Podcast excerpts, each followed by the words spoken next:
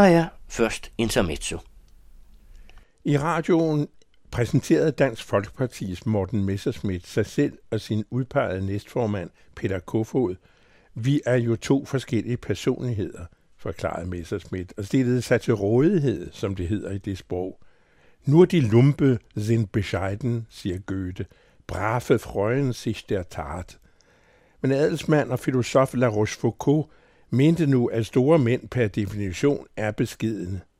Ubeskedenhed i at kalde sig en personlighed, hvad man som regel, om overhovedet, kun opnår i venligtsindede nekrologer, giver sig sære udtryk. Eksempelvis som visse personlighedstyper reagerer over for rigsret og landsret, og nu over for det parti, de skylder deres position. En forudsætning for politisk kultur er selv sagt borgernes respekt for love og regler. Får man en bøde for at køre for hurtigt, vil den store personlighed næppe kræve færdselspolitiet nedlagt og fri fart for frie borgere, som fartklaget i Goethes fædreland har krævet i overvis. Utallige er de lommedemagoger, der som formænd i frimærke eller strikkeklubber, foreninger til strandsvalens eller flagets fremme, har kringlet rundt i vedtægterne for at fastholde eller tilvende sig magt.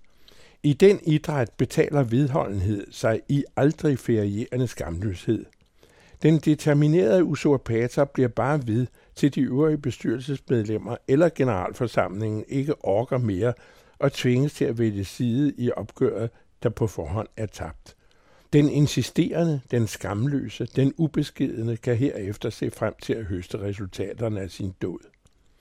Men det er jo stadig imod vedtægterne, at den selv erklærede bedste formand fremover nu også på en gang vil være næstformand, kasserer, revisor og livsvarieres medlem. Således protesterer godt nok de sidste sagt modige, men så laver vi bare vedtægterne om af svaret, og sådan bliver det. De mere beskidnes respekt for vedtagende overenskomster er jo umiddelbart fundament i retsstatsprincippet om det er grundloven, straffelovens bestemmelser om forsvarlig omgang med dokumenter, menneskerettighedserklæringen, byretten, landsretten, rigsretten, opstillingsreglerne i frimærkeklubben eller Dansk Folkepartis vedtægter, det kommer ud på det samme. Uden at lege spåkone på en blank decemberdag, hvor man nu afventer, hvem af tre personer, de to erklærede personligheder, kan man roligt sætte børneopsparingen på spil i et nærliggende vedemål gevinsten af 100 folk, så frem Støjbær og Messerschmidt i hver sin sag, i fald afgørelserne går dem imod, ikke betvivler eller lader tilhængere betvivle henholdsvis landsretten og rigsrettens visdom, kan hente legitimitet i netop disse sager. Omvendt vil deres lovprisning af retsvæsenet være modsvarende højlydt, hvis de vinder. Denne indsats i vedemålet giver minusgevinst. Man skal ellers altid vare sig for at forudsige noget som helst i et respektabelt journalistisk program som dette. Men fristelsen kan blive for stor tid at udsige en spådom, hvorom man siden med nogenlunde sikkerhed kan hovere, hvad sagde jeg.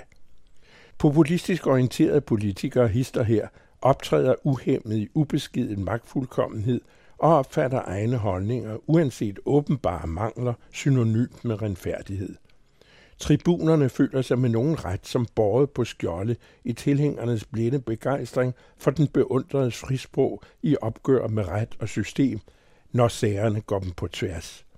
Mekanismen er selvforstærkende og ved nøje, hvor skylden for fadæser skal placeres. Ifølge Messersmiths flittige brug af munden er det eksempelvis ikke DF, der har klaret sig skidt, men derimod pressen, der ikke giver DF's kandidater kredit for alle, alle de steder, de har konstitueret sig i kommunerne. Populismen kan ikke se sig fri for at fremme sager og synspunkter i narcissismens tegn, og kendes ikke ved den sunde beskidens erkendelse af egne begåede fejltagelser, der ellers er artens varemærke. At DF står over for vandet mellem den ene formand, der kan blive dømt til rigsretten, og den anden ved landsretten, anfægtes åbenbart ikke, al den stund formandskandidater og følge ikke synes at anerkende den lov og orden, som de alle andre forhold på andres vegne så nedkært agiterer for. Når oveni lægges Messerschmidts organisatoriske manipulation over for langdistancekammerat Støjberg, føjes fis til komedien. Nu hed det sig helt mandag morgen i radioen, at de tre, nemlig personlighed Messerschmidt, personlighed Kofod, samt den i talende stund fortsat uafklarede Støjberg, skal være et formandskab. Ikke en, ikke to, men tre. Da Messerschmidt ikke kan besejre Støjberg i kampvalg, deler han rådet på forhånd. Intervieweren kan måske have troet, at hans ører var faldet på gulvet. Der kom i hvert fald ikke flere spørgsmål, om det nu var meningen, og hvorfra det mandat måtte kom.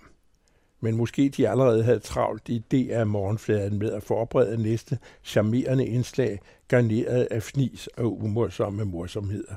DF er ellers underholdende nok i partiets nyslåede forkortelse som dansk farse.